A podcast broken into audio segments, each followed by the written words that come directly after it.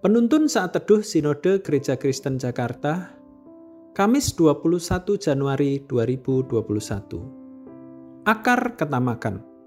Terambil dari Lukas pasal 12 ayat yang ke-18 berbunyi demikian. Lalu katanya, inilah yang akan aku perbuat. Aku akan merombak lumbung-lumbungku dan aku akan mendirikan yang lebih besar dan aku akan menyimpan di dalamnya segala gandum dan barang-barangku. Berbicara mengenai tanaman, kita semua tentu tidak asing dengan yang namanya akar. Secara bagian tanaman, akar merupakan bagian dari suatu tanaman yang terdapat di dalam tanah yang memiliki fungsi sebagai pengisap air serta zat makanan yang akan membantu tumbuh kembangnya suatu tanaman. Tanpa adanya akar, tentu tanaman akan mati karena tidak ada makanan yang bisa disalurkan ke bagian tanaman lainnya. Sehubungan dengan ketamakan, sifat ini pun memiliki akar. Akar dari ketamakan ini perlu diatasi sehingga tidak membuat pohon ketamakan itu semakin besar di dalam diri seseorang, bahkan pada akhirnya bisa mematikan orang tersebut. Pada ayat 18 kita dapat menemukan dalam perumpamaan yang diberikan Tuhan Yesus Orang kaya di dalam perumpamaan tersebut terus-menerus mengatakan, "Aku, aku, aku, dan aku."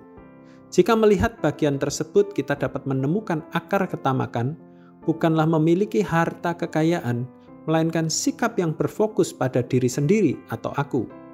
Akibat sikap tersebut yang muncul adalah keegoisan, sehingga tidak ada dalam pikirannya untuk berbuat banyak kebaikan dengan hasil tanaman yang melimpah itu yang terjadi ialah khawatir berlebihan dengan hasil tanamannya, sehingga memikirkan apa yang harus diperbuatnya untuk menyimpan hasil tanamannya yang berlimpah.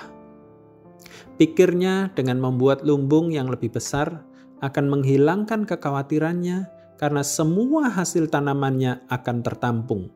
Padahal semakin besar lumbungnya, maka kemungkinan akan semakin besar lagi kekhawatirannya.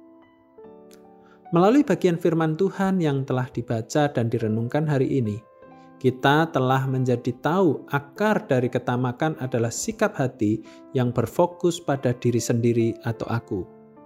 Dengan mengetahui hal tersebut, biarlah kita tidak lagi menjadi murid Kristus yang memfokuskan pada diri sendiri, entah itu karena khawatir berlebih ataupun hal lainnya. Biarlah hidup kita bisa fokus kepada Tuhan dan apa yang menjadi kehendaknya di dalam hidup kita. Kiranya Roh Kudus memampukan kita juga untuk meneladani sikap Tuhan Yesus yang bukan fokus kepada diri sendiri, tetapi fokus kepada kehendak Bapa. Akar ketamakan adalah berfokus untuk kepentingan diri sendiri. Tuhan Yesus memberkati.